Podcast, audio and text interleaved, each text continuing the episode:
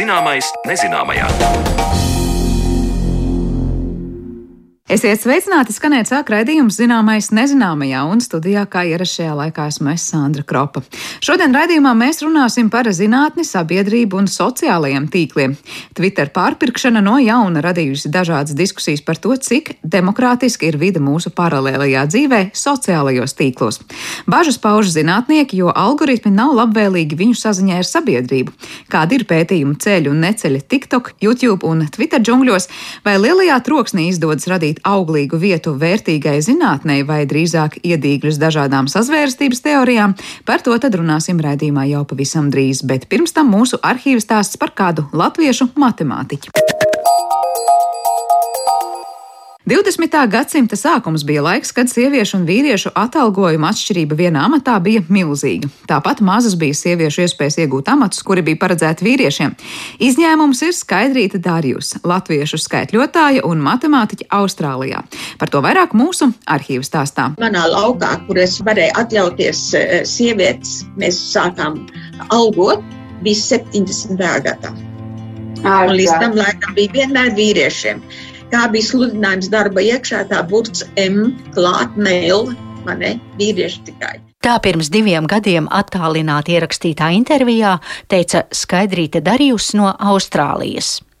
Viņas vārds ir ierakstīts latviešu tautas deju vēsturē, jo skaidrīt ir bijusi horeogrāfe vairāk kā simts dejām, dibinājusi un ilgus gadus vadījusi Kamberas tautas deju kopu Sprigulītis, iestudējusi desmit deju lielu uzvedumus un 2018. gadā iecelta par vispārējo latviešu dziesmu un deju svētku goda virsvadītāju un tā ilgi varētu turpināt uzskaitīt viņas nopelnus latviešu tautas deju popularizēšanā. Taču tikpat izcila kā horeogrāfe, Skaidrīte arī ir matemātiķe. Savulaik strādājusi Austrālijas Nacionālās Universitātes datoru nodaļā, informācijas tehnoloģiju uzņēmuma IBM ietvaros, apstrādājot grāmatvedības programmas. Tie bija pagājušā gadsimta 50. un 60. gadi, laiks, kad darbu šādās tehniskās jomās piedāvāja tikai vīriešiem. Novembra sākumā Skaidrīte Darījus atzīmēja 95 gadu jubileju, un tāpēc mēs šajā raidījumā piedāvājam ieskatu viņas karjerā tehnoloģiju jomā, laikā, kad tā bija vīriešu pasaule. Par skaidrīti Darījus stāsta Rīga Tech Girls. Tā ir organizācija, kur sievietes apmāca ikvienu interesantu IT jomā, komunikāciju un partneru vadītāja Laima Bauere, kura vairāk kārt ir kontaktējusies ar skaidrīti un ierakstījusi viņas dzīves stāstu. 50. gados arī Austrālija bija ļoti segregēta valsts, ja mēs runājam par sieviešu tiesībām, jo tādu vienkārši nebija un par to arī nerunāja. Skaidrīta pati stāstīja, kad mēs tikāmies, ka šī ir bijusi milzīga veiksme, ka viņa tika vienā no valsts vadības departamentiem. Kā viņa tur tika?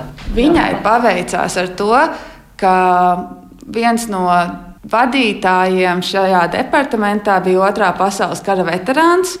Un viņš daudz vairāk nekā citi novērtēja šos cilvēkus, kas bija atkūlušies līdz Austrālijai un uh, tikuši galā ar visām nelaimēm, kas viņiem pa ceļam bija gadījušās. Tā nu skaidrīte sāka strādāt tur. Un, uh, pēc kāda laika viņa jau bija pabeigusi universitāti, paralēli strādājot.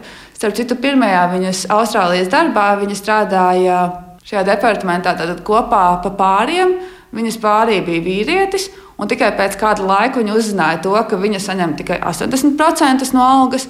Viņa aizgāja pie sava vadītāja un teica, nu, kas par lietu, kāpēc tā? Un viņš viņai atbildēja, lai cik jauks viņš būtu bijis. Viņš bija palīdzējis viņai atvest savus radus un draugus uz Austrāliju, dabūt viņiem darbus, bet tomēr viņš tāpat teica, ka, nu, kā ir, tā ir. Būs vien jāsadzīvo. Tā tad piedod, tu esi sieviete, un jā. tāda ir tā kārtība. Jā? Tieši tā. Sievietes saņem mazāk, un viss. Un tad skaidrīta nokļuva Austrālijas Nacionālajā universitātē, kur viņa strādāja līdz 58. gadam.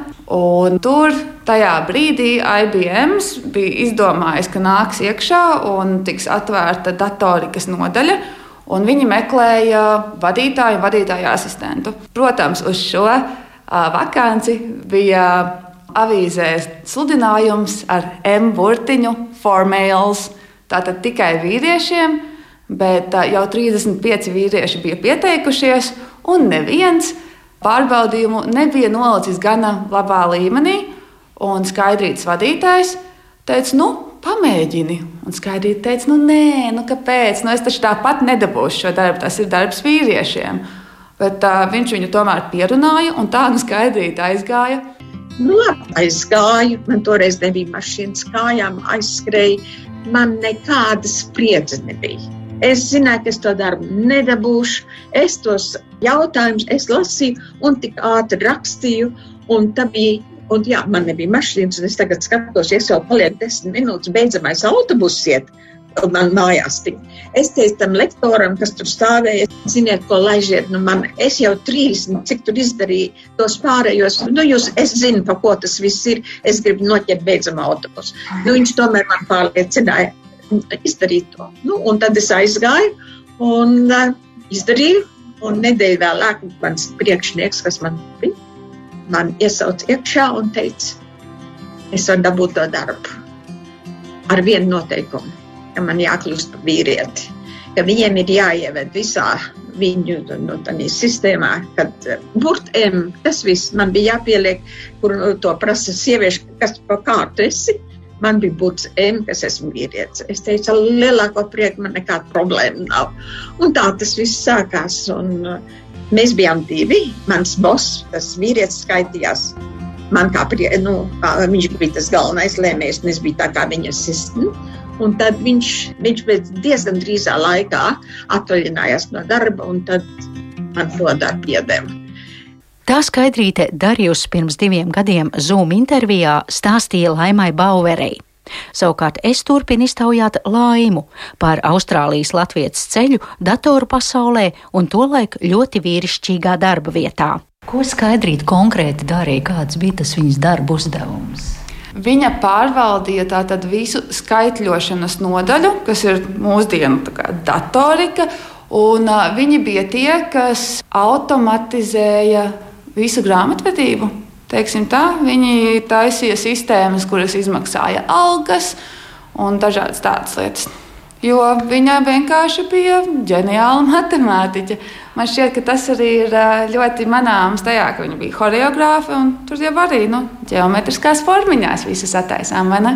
Es īsti nesaprotu, kā par to, ka viņai bija jāizliekas par vīrieti, bet kurš to zināja un kurš to nezināja un nedrīkstēja zināt, jo taču visi viņas kolēģi saprata, un tie jau bija vīrieši, kas viņu pieņēma darbā, bet kam tur bija vajadzīga tā atskaite, tas ķeksīts ailītē formēlu vīriešiem. Tā vienkārši bija, ka tajā laikā vēl aizvien visi eksaktie darbi bija priekš vīriešiem. Sievietes vienkārši tādos neņēma. Tāpēc viņa tika reģistrēta programmā kā vīrietis un viss. Protams, ka ikdienas darbā tas viņai neko nemainīja, jo visi jau viņa zināja. Bet skaidrīt arī pati man stāstīja, ka ir bijušas vairākas reizes, kad viņa devusies uz konferencēm, kas viņai jāvada, un pie durvīm viņai saka, nu, nē, nē, nē, nē, nav īstais cilvēks. Viņa rāda, viņa baksta ar pirkstu lapā, rekur mans vārds, jo Austrāļi jau nesapratīs, kas ir skaidrīta darījusi. Viņiem tās galotnes neko. Bet, jā, viņi saka, nu nē, nu, taču vīrietim šis jāstāsta. Matemātiķu nodaļa ir tur otrā telpā, bet nu, viņa ir vadītāja. Tā ka vēl ilgu laiku cilvēki neticēja, ka sieviete var ieņemt šādu pozīciju un būt tik gudra. Laima Bauere bilst, ka pagājušā gadsimta 70. gadu sākumā, kad Austrālijā nomainījās valdība, tikai tad minētajās jomās, kas saistīts ar datoriku un skaitļošanu, tikai tad darbā sāka pieņemt sievietes. Mēs jau visi zinām, to, ka šāda veida pārmaiņas ir ilgs un smags process. Tas nenotiek vienā dienā. Arī mēs, Riga Tegrāls, vēl aizvien cīnāmies ar vieniem un tiem pašiem stereotipiem laika pa laikam. Protams, ka viņi ir mazāki, bet tāpat. Un, nu, jā, nu, pagāja 20 gadi Austrālijā, līdz par to tiešām bija izdomāts tik tālu, ka tas arī viss varēja mainīties. Laimas Baueres sarunu ar Skaidrīti Darījus var noskatīties YouTube kanālā, un mūsu klausītāji internetā var redzēt saiti uz minēto interviju. Labāk ir kļūdīties, nekā nedarīt nemaz. Tas ir viens no maniem galvenajiem, galvenajām domām, ar ko es uh, savu mūžu esmu dzīvojis. Esi drošs, dari izdomā, padomā. Nedara uzreiz pirmā skrēja eh, brīdī, padomā, bet dari. Un, ja nelaimēsies, nu tad nelaimēsies. Bet vismaz tu esi mēģinājis.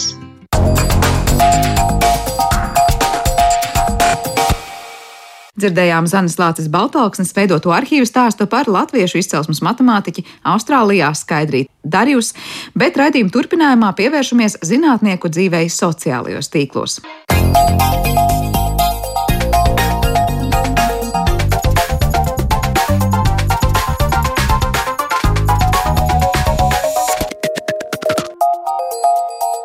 Zināmais nezināmajā. Kopš Twitter kļuva bieži apdzīvot savu stabilu nišu, tajā atrada arī zinātnieki. Sociālo tīklu platformas ir sniegušas pētniekiem, akadēmiskiem žurnāliem un institūcijām unikālu iespēju stāstīt sabiedrībai par pētījumiem.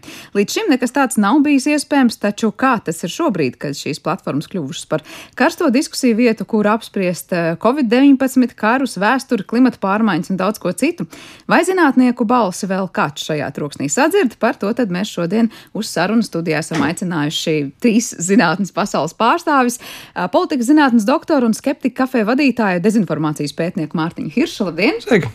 Vēsturnieku un Latvijas Universitātes filozofijas un socioloģijas institūta vadošo pētnieku Kasparu Zeli. Sveicināti! Sveiki! Kā arī Latvijas Universitātes fizikas, matemātikas un optometrijas fakultātes docentu un vadošo pētnieku Guntaru Kitenbergu. Sveicināti! Labdien! Sākšu ar to, kādas ir tās jūsu sajūtas nu, par to laiku, kurā mēs šobrīd dzīvojam. Vai tas ir tāds ziedu laika zinātniekiem komunicēt ar sabiedrību un teiksiet, nu, tik lielas iespējas nav bijušas vēl nekad. Katrs savā sociālā tīkla mm, profilā var brīvi komunicēt un stāstīt eh, gan par saviem akadēmiskiem sasniegumiem, gan savām pārdomām, vai gluži otrādi. Patiesībā tā informācija, kas ir mums apkārt, ir tik ļoti daudz un tik ļoti fragmentēta un tik ļoti nu, nepatiesa brīžiem, un, un ir ļoti grūti to savu īsto vēstījumu patiesībā aiznest līdz tām savām nu, vēlamajām ausīm. Mārtiņš. Nu, es teiktu, ka abi divi ir patiesi. Uh, ir vairāk troksnis, visādas muļķības, dezinformācija uh, visapkārt kā, kā nekad, bet vienlaikus arī lielākas iespējas ir sasniegt cilvēkus kā jebkādu, nu, plus un mīnus visam. Nu, skatāmies sociāliem tīkliem, tad kaut kāda tur sensacionāla informācija, tur emocijas, sazvērstības izplatās daudz labāk nekā sarežģīti, niansēti zinātnes stāsti. Nu, tā tas vienkārši ir. Tajā pašā laikā nu, autori, ko zinātnieki var mēģināt sasniegt, nu, ja māca komunicēt, pielāgojoties šīm platformām, ir arī daudz lielāka nekā, nekā jebkad. Uh, nu, ir, tas, tā, ir tā sajūta, ka tagad ir sliktāk, trakāk, briesmīgāk, bet uh, es vienā pētījumā ar Globseku pētījumu centru uh, mēs pētījām pirms Covid, cik cilvēki tic sazvērstībām Centrālā Eiropā un Covid laikā, un tad pirms Covid līdz trešdaļai ticēja par ebreju sazvērstību, tur nā, tas 11. septembris, kad amerikāņi paši sagrauc par, par pasaules valdību. Nu, Covid laikā trešdaļa ticēja par Covid sazvērstībām. Tā kā nav tā, ka pirms tam bija kaut kas racionālais laikmets, un tagad viss ir mainījies, mēs dzīvojam pēc faktu laikmetā. Mēs tā kā atradām vienkārši jaunu tematu, kas vienoja visus vairāk vai mazāk, kas nu, likās, ka tagad viss tikai par Covid sazvērstībām un vakcīnām runā. Nu, jā, tas izvilktu ārā, un plus arī tas padarītu aktuāli pārējai sabiedrībai. Jo tie cilvēki, kas dzīvo tādā alternatīvā realitātē, viņus laikam bija, bet tas nebija aktuāli tai nezinu, intelektuālajai vai tur, nezinu, tur medicīnas vai, vai nezinu, politiskai elitei. Viņi bija, bet tie brīdī, kad viņi ar saviem uzskatiem var inficēt, apdraudēt visus, arī tevi mani, tas kļuva aktuāli. Tā kā pirms tam viņi dzīvoja savās Facebook grupās, bija tā vakcīna realitāte ilgus gadus, visas tādi dīvaini, visi ir ilgus gadus bijuši, bet tagad tas paliek aktuāli visiem. Mm. Nu, šobrīd aktuāli visiem ir apspriest, man liekas, visiem, nu, daudziem ir kāru, dažādas politiskos notikumus, vai vēsturnieki arī skatās uz to, kā sociālie tīkli šobrīd pilda to savu funkciju, vai kas līdzīgs novērojams, kā līdzīgi Covid laikā, kad uh, viss ir kļuvuši par divām, varbūt ekspertiem vēsturē, militārajā, dažādā, dažādās jomās un politikā. O, jā, teiksim, interese par vēsturi ir pieaugusi, bet interese par vēsturi nav pieaugusi nu, teiksim, no zinātnes, varbūt viedokļa, ja kā uz teiksim, procesu analīzi, ja kā uz cēloņu seku analīzi. Ja, tā vairāk ir pieaugusi, teiktu, tādā prezentiskā veidā. Ja, tas ir faktiski cilvēki atlasa tos faktus, kas ir izdevīgi viņiem te un tagad, ja, un bieži vien atrauj tos no kopējā teiksim, konteksta. Interese lielākoties jā, ir cilvēkiem par um, nu, pirmkārt eh, Latvijas vēsturē, jā, otrkārt, kas ir, teiksim, ko es esmu pamanījis, jā, ļoti liela interese ir pieaugusi par Ukraiņas vēsturi, jā, kaut vai, teiksim, kopējo šos te kontekstus, jā, eh, reti kurš, eh, teiksim, spēju uztvert, jā, it sevišķi, teiksim, 20. gadsimta, nu, teiksim, sākuma Ukraiņas vēstures norises. Tāpat arī, teiksim, centrālā austruma Eiropas vēsture, jā, ir parādījusies kā kaut kāda jauna, nu, teiksim, tēma, kurā varēja būt interese. Jo, teiksim, rakstot sociālos tīklos, piemēram, par vēstures notikumiem, tur, kas saistījās teiksim, ar Polijas ja, teiksim, vēsturi vai kas saistījās ar Baltkrievijas vēsturi, ja iepriekš nebija bija gandrīz nulles kaut kādas emocijas, ja tagad tomēr cilvēki kaut kādā veidā ja, uz to reaģē. Nu, reaģēt ļoti dažādi, ja, un Tas man liekas, šī laikmeta iespēja, kas nav raksturīga ne tikai sociālajiem tīkliem, bet es domāju, visam arī laikmetam un arī ikdienā, ja mēs redzam šo atrauto fragmentāro prezentisko pieeju, ja, teiksim, attiecībā pret mūsu pagātni. Jā, un tur kāds, es domāju, nu labi, te vērtējums varētu būt ļoti plašs par to, novērojot, kas notiek sociālajos tīklos un arī konkrēti fizikā, matemātikā. Man šķiet, ka fizikā, kā eksaktā zinātnē, tas, tas skatījums parasti nu, var daudz precīzāk šīs lietas aprakstīt, un tā interpretācijai vieta eksaktā pasaulē ir nedaudz mazāk. Ja.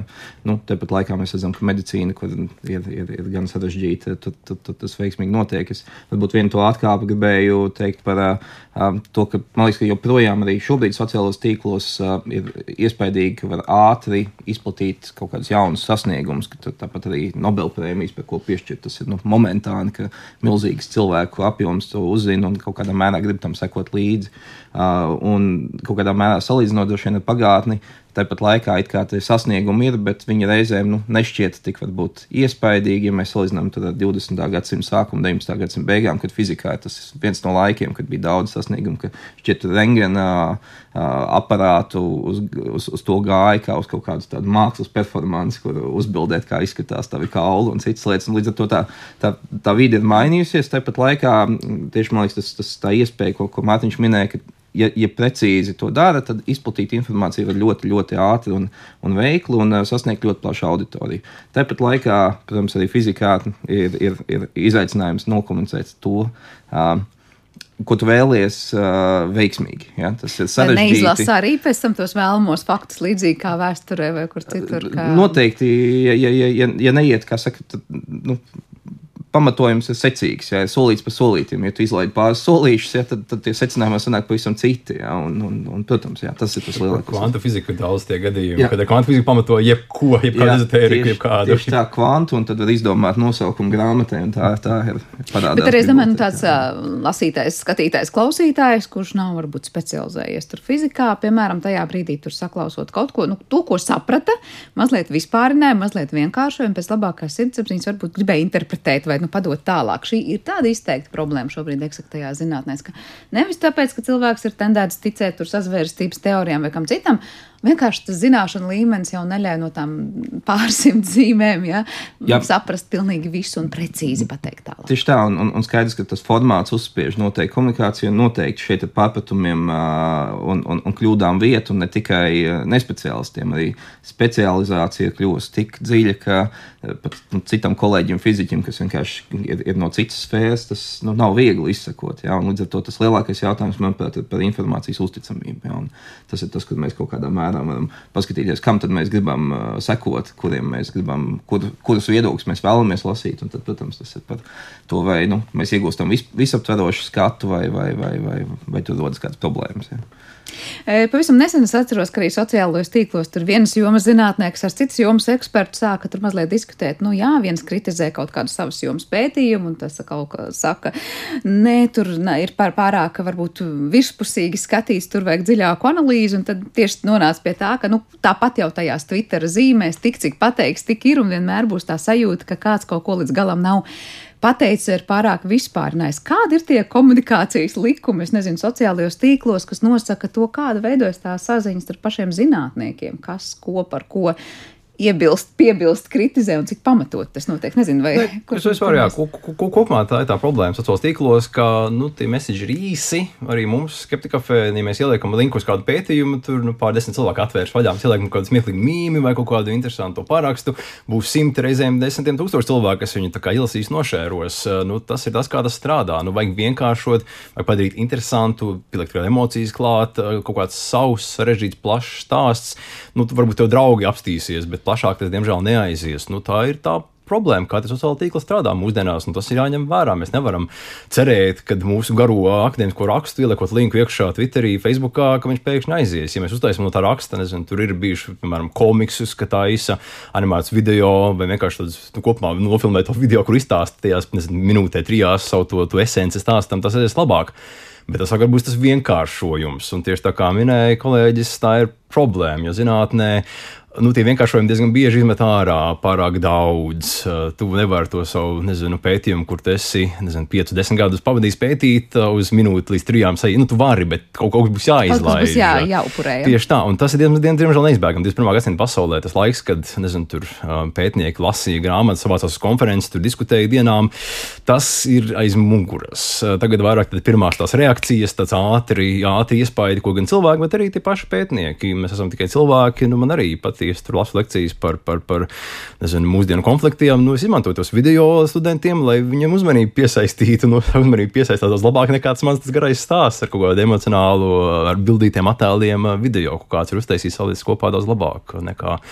Nu, sarežģīta, niansēta, bet uh, ne tik viegli uztverams stāsts. Un tas tādai plašai auditorijai pavisam noteikti saprotams. Šis skaidrojums ja ir jākomunicē. Bet, ja zinātnieks zinātniekam, kādas ir tās motivācijas sociālajos tīklos kaut ko komunicēt? Nu, man ka pirmā ir tiešām izplatīt to savu pētījumu rezultātus, un tā ir tā lokālā kopiena, ar kuru var, var diskutēt. Un, un skaidrs, ka tas ir ļoti atkarīgs no tā, cik tā kopiena ir pārstāvēta sociālajos tīklos. Daži ir tur tradicionālāk, daži nē. Bet man liekas, ka ļoti interesanti līdz ceļš Latvijas, komu, Latvijas vidē, Latvijas zinātnes sabiedrībā mums ir gana daudz cilvēku, kas lieto sociālos tīklus, un šīs starpdisciplinārās un kaut kādas kopīgās tēmas ir būtiskas. Varbūt vēl viena piebilde par to, kā zinātnieki zinātniekam komunicē, ka šīs lietas, kas mums parādās sociālos tīklos, pāriet arī uz akadēmisko vidi, piemēram, izdevniecībām, it sevišķi fizikā, cik es esmu pamanījis daudzās vietās, prasa grafisko aprakstu rakstam. Ja, kad nepietiek vairs tikai nosaukums un tekstuālais apraksts, bet ir kaut kāda grafiskā informācija, ko daudz ātrāk cilvēks spēj, spēj uztvert kaut kādu ideju. Tā kā jau paredzēts, ka tas tiks izplatīts kaut kur sociālā. Tieši tā, vai, vai, vai, vai sociālā, sociālos tīklos, vai, vai tieši arī tajā pašā mājaslapā, ka nu, ir ātrāks veids, kā uztvert to informāciju. Es domāju, ka vēsturē man ar laiku prasīs nevis rakstu, bet gan komiks. Un tad arī jautājums ar kādiem izaicinājumiem un draudiem vēsturnieks. Nē, es domāju, ka tā vispār nav tikai vēsturnieku, tā ir vispār zinātnīs problēma, ka no mums pārāk daudz prasa. Ja? Tas var būt vecs cilvēku murkšķēšana, ja? bet mums jābūt pirmkārt birokrātiem, kas nokārto visus dokumentus, ja? veido projektu atskaites un atskaitās par to, ko viņi ir izdarījuši. Ja? Tālāk mums ir jāveic pētījumi, kas ir uh, mūsu pamatdarbs, ja? un tad mums vēl jābūt teiksim, aktieriem, ja? teiksim, kas šo te pētījumu attraktīvā veidā veidā, ja katram es atvainojos um, cilvēkam, ja, varētu to novest līdz uh, ne, neatkarīgi no viņa zināšanu līmeņa. Ja. Un, teiksim, sociālie tīkli, ja, zināmā mērā mums dod šo iespēju, ja, tik tiešām ziņot par saviem, teiksim, darbiem, par saviem atklājumiem, par jaunumiem. Jā, mēs uzzinām daudz vairāk par iznākošajām grāmatām un konferencēm. Un, kā jau minēju, tagad nav 19. gadsimts, ja, kad vienu atklājumu varēja atklāt divās veidās, jo vienkārši informācija ja, nenonāca līdz, līdz cilvēkiem. Ja, tagad tas vairāk nav iespējams. Bet, ja, bet šajā pašā laikā nu, jā, mēs varbūt dažreiz. Um, kā saka, komunicējam ar kolēģiem, jā, un teiksim, kritisks mums ir šīs. Te. Es kaut vai pēdējā laikā, jāsaka, atklāti, es atturos no kritiskiem vērtējumiem attiecībā pret kolēģu darbiem, ja kaut vai man tādi ir. Jā, es to labāk saglabāju un pasaku atklāti, jā, jo es zinu, ka sociālos tīklos jā, tas bieži vien izsauks to, ko es nezinu, vai radio drīkst saukt jā, par šitu stormu. Ja?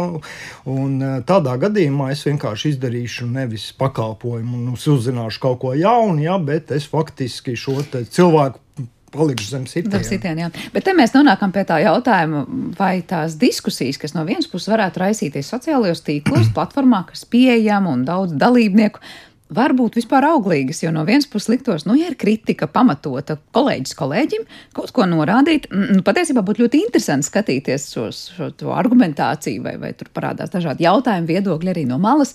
Es saprotu, ka tā pieredze rāda, ka nu, nesanāk, nesanāk tā auglīgā diskusija. Drīzāk tur ir kaut kāda, nezinu, emocionāla vētra, un cilvēki, kas nesaprot, sāk uzreiz vienos, vienos vārtos nolikt, ja tā var teikt, to zinātnieku, kas tiek kritizēts, vai kurš ir kritizējis, kāda ir tā situācija.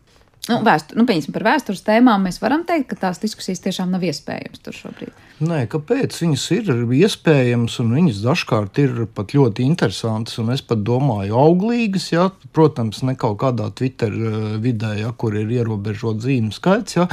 Mm, bet Facebookā ja, mēs tiešām redzam, kur eh, cilvēki runā ja, teiksim, par lietām, un tiešām izskaidro, un diezgan eh, labi varbūt redzam, ir šī problēmas, nu, kā saka, atklāšana. Uh, bet uh, tomēr, ja šie formulējumi un bieži vien, uh, kā to labāk pateikt, ierobežotais laiks un atrašanās citās telpās, ja neļauj nonākt līdz šim te, pamatlietai. Un es domāju, ka ļoti daudz cilvēku ja, šo savu kritisko potenciālu ja, iztērē šajos tēm, e, sociālajos tīklos, ja, lai šīs sarunas var būt daudz kvalitatīvākā veidā ja, veidotu nu, teiksim, ārpus sociālajiem tīkliem, ja, kaut kādās diskusijās, ja, diskusiju telpās ja, vai konferencēs.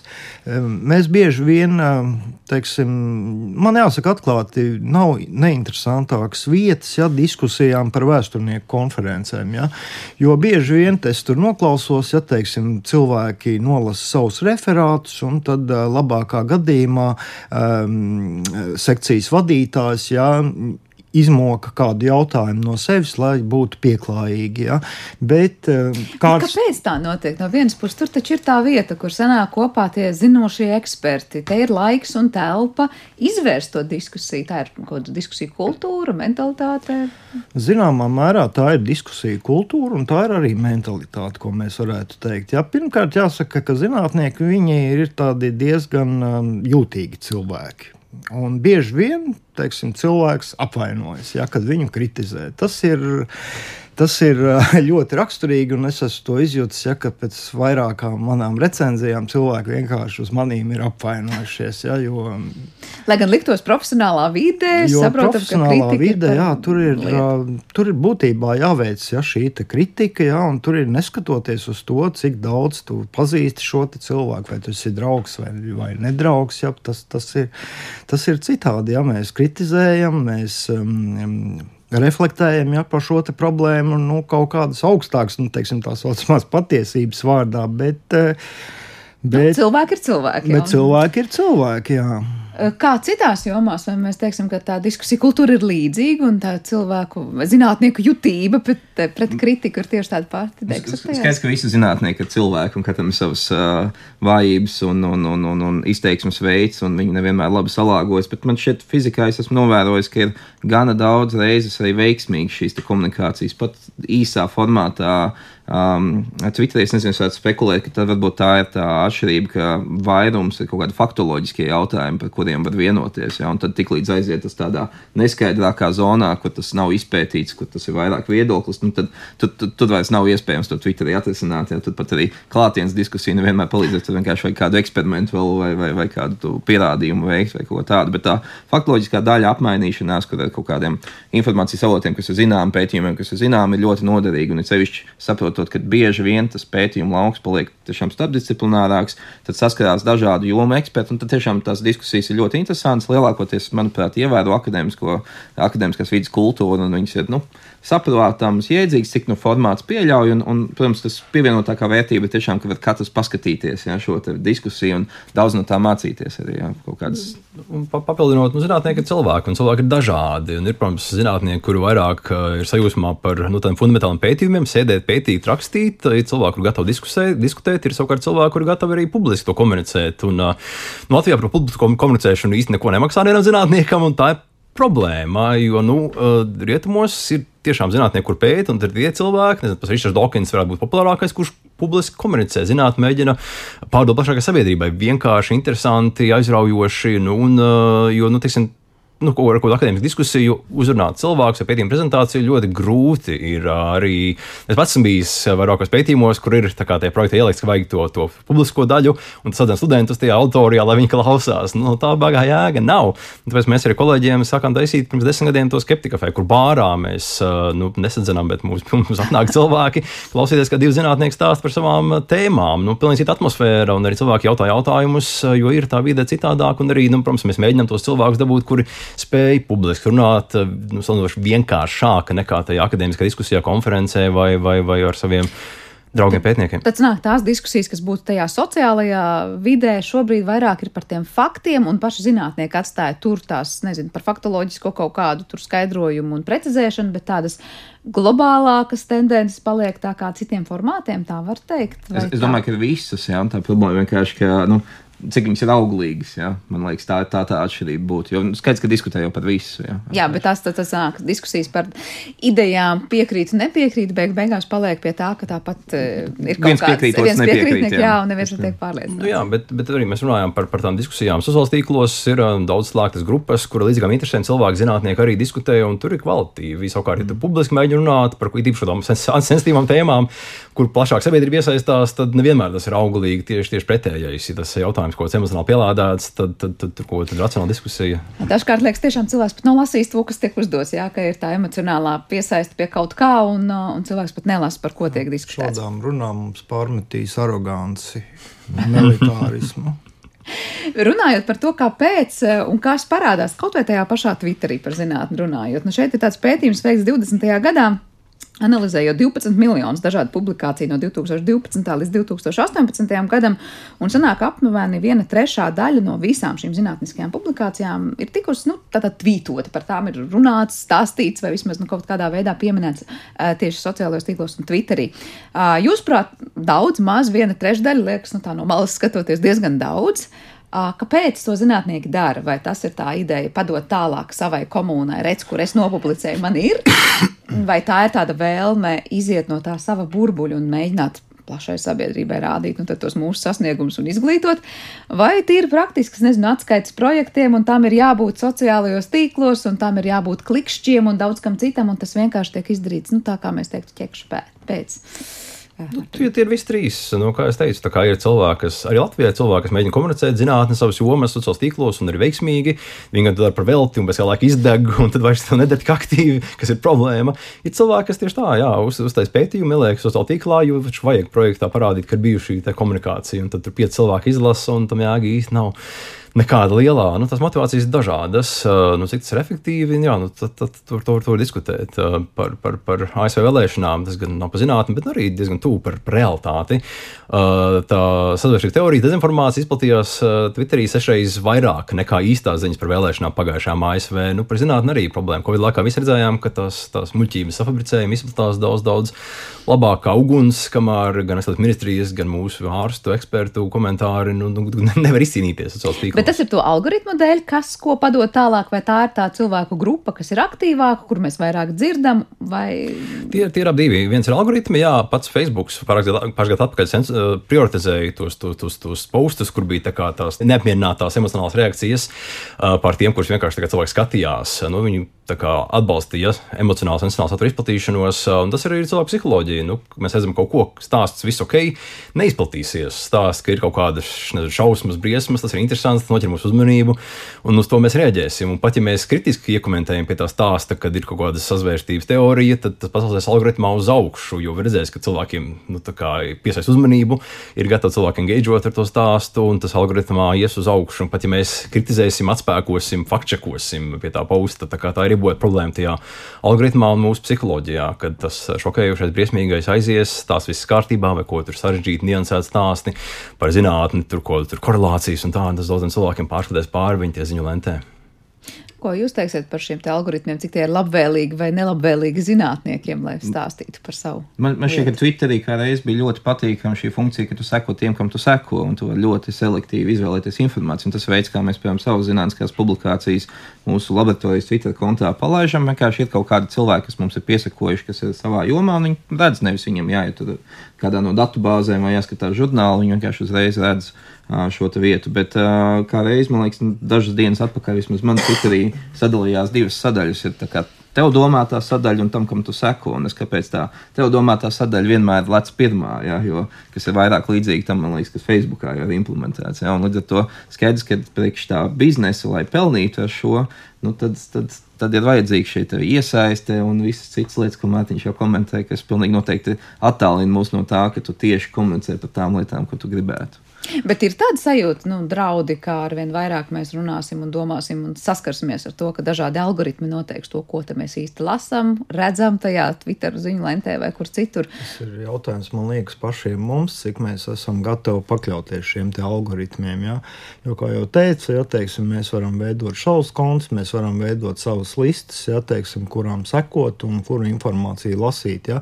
Vai mēs varam nedarīt neko un pakļauties tom, ko mums met ārā algoritms. Ja? Nu, te ir jautājums par mūsu pašu brīvu izvēli. Ja? Nu, es domāju, cilvēkam, kas uh, kritiski uztver informāciju un grib kaut ko panākt, ja viņš tiešām ļoti izvērtēs to informāciju, ja, to, ko, to, ko viņam piedāvā šie sociālie tīkli, ja, nevis to, ko viņam izmet algoritms. Ja. Es tik tiešām nezinu. Kā man tas ir izdevies, ja, bet nu, Facebookā man ļoti ilgi bija ļoti liels problēmas, piemēram, atrast gan šos Covid noliedzējus, ja, gan kara noliedzējus. Es par viņiem uzzināju tikai no citiem, ja, jo mans uh, Facebook ir tāds miera osta. Nu, tur mēs varam redzēt, ka katrs dzīvo savā burbulī, vai ne? Un kurā ir labi un skaisti. Un vienā brīdī rodas tā sajūta, ka. Nu, sabiedrības vairākums. Bet mēs bieži vien um, burbuli, mēs, mēs teiksim, no peles izpūšam ziloni, ja, un tas mums ir ļoti raksturīgi, it sevišķi šodien. Ja. Mēs bieži vien kaut kādas individuālas izpausmes, ja, mēs mēdzam izpūst kā globālas problēmas. Ja. Proti kaut kādu vienu izteikumu, ka liekas, visi tādu vienu domā? izteikumu, vienu gadījumu, ja, un šo vienu gadījumu, ja, mēs uh, vispārinam ja, uz kaut kādu nu, tik tiešām lielu globālu problēmu, uz kaut kādu noteiktu sociālu, etnisku ja, vai citu slāni. Tā kā tas ir. Tad Un tā ir milzīga problēma Latvijā, jo Twitteris tas ir tas, ko kaut kāda sabiedrības aktīvā daļa lieto diezgan daudz. Bet kopumā Latvijā ikdienā Twitter lieto tikai 8% cilvēku. Tas nav reprezentatīvs sabiedrības viedoklis nekādā veidā. Un ļoti bieži gan ir raksti par Twitter komentāriem, ko domā, gan kā, tur beigās diskusijas, kas atstāja kā iespēju politiku.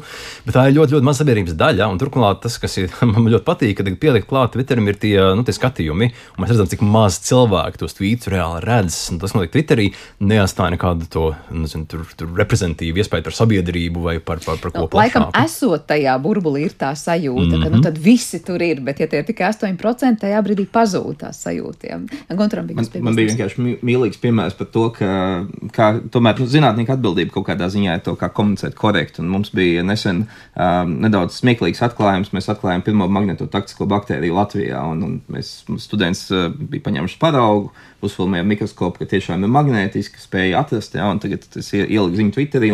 Pēkšņi palielinājās mediju interesi. Mēs nokļuvām gan Latvijas Protams. televīzijas panorāmā, gan, gan šeit, neskatoties uz faktu, ka baktērijas šādas jau nu, pasaulē atklāts 70. gados. Ja, un, un skaidrs, ka mūsu, nu, mēs izmantojam iespēju pastāstīt par savu pētījumu tematiku, tāpat laikā esot godīgi, ja, ka šis pētījums Latvijas kontekstā, protams, ir interesants. Nu, vienkārši visticamāk, tāpēc, ka neviens cits iepriekš nebija meklējis šīs baktērijas, bet nu, parādīt to daudzveidību. Ja, un te ir jautājums par to, kā tu godīgi komunicē. Ja, nu, tā ir tā akadēmiskā piemērs, ētika. Jā, jā, laikam tam, kā nu, Twitter, nu, šī gadījumā sociālo tīklu, jebkurā gadījumā, platforma būtu kādā iespēja pacelt roku un pateikt, mm. halo, mēs te esam, mēs to izdarījām. Tieši tā. Citkārt, nu, kā mums te žurnālistiem otrā pusē zināt katru dienu, kas notiek, piemēram, jūsu. Un te man liekas ļoti veiksmīgi, ka mums ir daži līderi akadēmiskās vidas, tur, man liekas, profesors Zāmbains, Jāčsals, kas Čējos un Mārts Sauziņš un vēl kādi, kas uh, retvīto, manuprāt, tās zinātnē aktuālās lietas, kas Latvijā notiek, un viņas līdz ar to, nu, vismaz fizikā notiek, un arī da daļā citu jomu, ka viņas ļoti labi aizsniedz daudz šos Twitter lietotājus. Bet vai ir tā to... sajūta, ka tiek aizsniegti tie, kas jau ir ārpus tā fizikas, nu, nezinu, interesantu vai speciālistu burbuļu? Tajā brīdī es domāju, ka jā, jo šiem cilvēkiem seko, nu, ā, nu labi, fizikas interesanti, tad droši vien, ka nē. Bet mm -hmm. tad ir jautājums, nu, mans mērķis jau ir ne, nevienmēr pārliecināt visus, ka tagad ir jāseko jautājumiem par magnētiskiem mīkstiem materiāliem. Bet tas arī ir normāli. Nu, ir cilvēkam interesē sports, viņi seko formulai futbolam, kam interesē kultūra, kultūrai, kam zināt, zināt. Nu, bez to sporta, tu kolākos fanus ar savu zinātni nu, neuzrunās. tā, bet varbūt tam, kurš interesēs par medicīnu, bioloģiju, astronomiju un fiziku, tad ir interesanti kaut ko no tā fiziķa laukuma ieraudzīt. Lai gan man pašai prātā nāk piemērs, pirms vairākiem gadiem Eiropas kosmosa aģentūra veids šīs tālās misijas. Rozeta bija uz asteroīdiem, vai ne? Šķiet, šķiet, šķiet tas bija. Un uh, tas, kādā veidā tika tieši Twitterī komunicēts, kā tā zonda aizmieg, tad tiek modināta. Un, un likās neredzēt emocionāli, kad vienkārši cilvēki, un tur bija ļoti daudz skatījumu, vakarā novēl ar labu nakti, vai, vai lūdzu, lai pamostos tagad no rīta tā zonda, vai kad nu tai bija uz cik stundām jāpamostās. Un, un, un veic to savu darbu. Tas bija tāds unikāls gadījums, ka teikt, nu, Kāpēc lielas mums, masas mums, ceko. Man liekas, tas pats ir bijis ar šo, te, kas tas bija melnais stāķis vai, tā, vai, tā, vai tas ērglis, ko tur novēroja, ja, kur arī bija ļoti liela cilvēkiem interese, ja, un kur sekoja. Un kas Formā, tur ne? Jā, jā, jā, jā, jā. Bet parasti ir tā sajūta, nu varbūt jā, par putniem, par dabu, nu interesēsies kaut kur vairāk nekā par konkrētu, piedodiet, celžu kastu tālu prom visumā. Nu, tas man liekas, kā, kā tu emocionāli sasaist, un tā māca izmantot sociālos tīklus. Man liekas, ka vēsturē jau arī bija tie piemēri, ka dienas grāmatas tvītoja vai ne par kādiem ierakstiem mm. vai ko tādu. Ļoti, ļoti, ļoti interesanti. Un tad tas veids, kā uzrunāt veiksmīgāk, tā ir tā atslēga, ja, kā tu vari īstenībā sasniegt auditoriju daudz plašāk. Ja, jā, kā... nu, tas, tas, kā mūsu māca, akadēmiskā vidē komunicēt savā starpā, tas nav tas, kā komunicēt plašāku sabiedrību. Tas pilnīgi kaut kas cits, bet daudzi māca akadēmiski komunicēt, bet nevar pārmainīt, salauzt savu to, to, to stilu, lai komunicētu ar plašāku sabiedrību, kur vajag tos. Un te, te varbūt piebilstot to, ko Kaspars kādu laiku teica par to, ka nu, mums visiem būtu jāmāk pašiem, un šeit ir tā vieta, kur institūcijām būtu jānāk palīdzīgāk, kur ir spēcīga universitāte vai institūts, viņiem ir cilvēki, kas tev palīdz, kas viņi skatās, oh, kur ir ziņa, un, un tas arī notiek. Viņi izceļ to gaismu, viņi palīdz ar to formātu, kā labāk sasniegt cilvēkus, sevišķi ieraugot to vērtību potenciāli tajā ziņā. Jā, nu te mēs nonākam pie tā, kā zinātnes komunikācija ir svarīga, un tie komunikatori ļoti dažādos līmeņos ir svarīgi, un nevajag visu atstāt tikai uz pašu pētnieku pleciem, jo beig beigās kādam tas pētījums ir arī jāveic. Un ļoti... Galu galā ir, jā. man liekas, visās uh, universitātēs, gan Latvijas universitātē, gan Stradiņu universitātēs ir speciālisti, teiksim, speciālisti sagatavo, kas ir komunikācijas speciālisti, jā, nu tad uh, te ir viņiem, kā saka, darbs, jā, bet... Bet tā ir salīdzinoši jauna jauna lieta mhm. Latvijā. Jo patiesībā vēl pirms pārdesmit gadiem nu, neviens speciāli zinātnes komunikators noteikti Latvijā negatavoja vismaz komunikācijas kontekstā. Liekas. Jā, jā negatavoju. Un kopumā zinātnīs komunikācija ir kaut kas tāds, kas attīstās pēdējos desmitgadēs. Jo, nu, nu, nu, nu, ir pirmkārt parādās tā, tā, tā, tā, tā, tā, tā attieksme, kad sabiedrība ir jāinformē par zinātnē vairāk, jo ir nekur tas pats Covid, citi jautājumi, kur vajag sabiedrības to, to izpratni pacelt. Jo nu, ļoti noteikti tiksim, 10, 20 gadu atpakaļ bija vairāk tas ziloņa kālu tronis, un tagad tā komunikācija ar sabiedrību ir daudz aktīvāka, plašāka nekā, nekā jebkad. Es to teiktu, mēģinam sasniegt cilvēkus vairāk nekā pirms tam. Un arī paskaidrot, kur tad aiziet valsts līdzekļi. Skaidrs, ka lielā daļa fina, finansējuma nāk no, no nodokļu maksātāja naudas, un ir svarīgi, tad, kas tad par to tiek sasniegts, nu, kāda rezultāta tiek iegūta. Noslēdzot šo sarunu, es atgrieztos pie tā, ko Kaspars teica pirms brīža par šiem algoritmiem, kad mēs runājam, ka nu, no vienas puses tu jau pats skaties, kam tu seko un ko tev tur izmet, neizmet, un tā ir mūsu paša atbildība, kā mēs uzvedamies tajos sociālajos tīklos. Kā jums liekas, kādus scenārijus mēs varam sagaidīt, vai kādus tas varētu radīt nākotnē, skatoties, cik milzīgas ir sociālo tīklu auditorijas, un būsim godīgi, nu vairums jau laikam būs tie, kas paļausies algoritmam, nevis ļoti varbūt selektīvi sekos un skatīsies un varbūt ievēros tādu informatīvo higiēnu, ja tā to var teikt, sociālajos tīklos, vai mēs varam teikt, ka esam kaut kādu draudu priekšā, nu, nezinu, atceros Amerikas vēlēšanas, kad mēs teicām, tas, kas notika sociālajos tīklos, lielā mērā noteica rezultātu. Dažādas, es nezinu, bīstamības saistības saistībā ar to, kas kā izplatās, kam kas seko, neseko, klausa, neklausa sabiedrība dažādiem arī nu, ieteikumiem. Informācijas paliks tikai vairāk, arī muļķība paliks tikai vairāk, un tāpēc nu, tās, tās digitālās prasmes vai kritiskā domāšana kļūs ar vien svarīgāk un svarīgāk. Nu, katram mūsdienās jābūt tādam digitālam detektīvam internetā, lai saprastu, kas ir patiesa, kas nav, un nu, labāk nepaliks. Es neredzu, protams, arī kaut kādus katastrofālus scenārijus, bet, bet nu, tas, ko saka medīpratība, kritiskā domāšana, nu, kas jau, jau tagad klibot vēlētē sabiedrības, būs vajadzīga vēl vairāk un vairāk tālāk. Nu. Mhm. Jā, es neesmu Ežens Finks, lai pateiktu, kā būs nākotnē. Un, principā tikai manas varbūt ir bažas jau ļoti līdzīgas par to, ka tik tiešām šis informācijas daudzums, kurš um, būtībā Uzreiz jautājums ir arī par šo informācijas kvalitāti, ja? cik lielā mērā mēs būtībā veicinās sabiedrības eh, nu, tādu debilizāciju savā ziņā. Ja? Un eh, mums, eh, mums ir tam, es teiktu, jāgatavojās, ja? jāgatavojās galvenokārt Uh, tam, ka ir jāaudzina cilvēki tik tiešām kā apieties ar šo informāciju, ja? un jāaudzina cilvēki varbūt saprast tās lietas, ja kā mēs tik tiešām mūsu prāts ir ierobežots, ja mēs nevaram būt speciālisti visās jomās, ja? un uh, brīžiem mums ir jāpakļaujas teiksim, autoritātēm, jā, un jātic šīm autoritātēm, nemēģinot atklāt savas patiesības, lai tā kaut, kaut arī tās var būt atbalsta, atbalsta kaut kādas mūsu slepenās, teiksim, bažas vai simpātijas un tā tālāk un tā joprojām. Tā kā es domāju, visa nākotne mums ir pilna ar izaicinājumiem, tā kā vienmēr.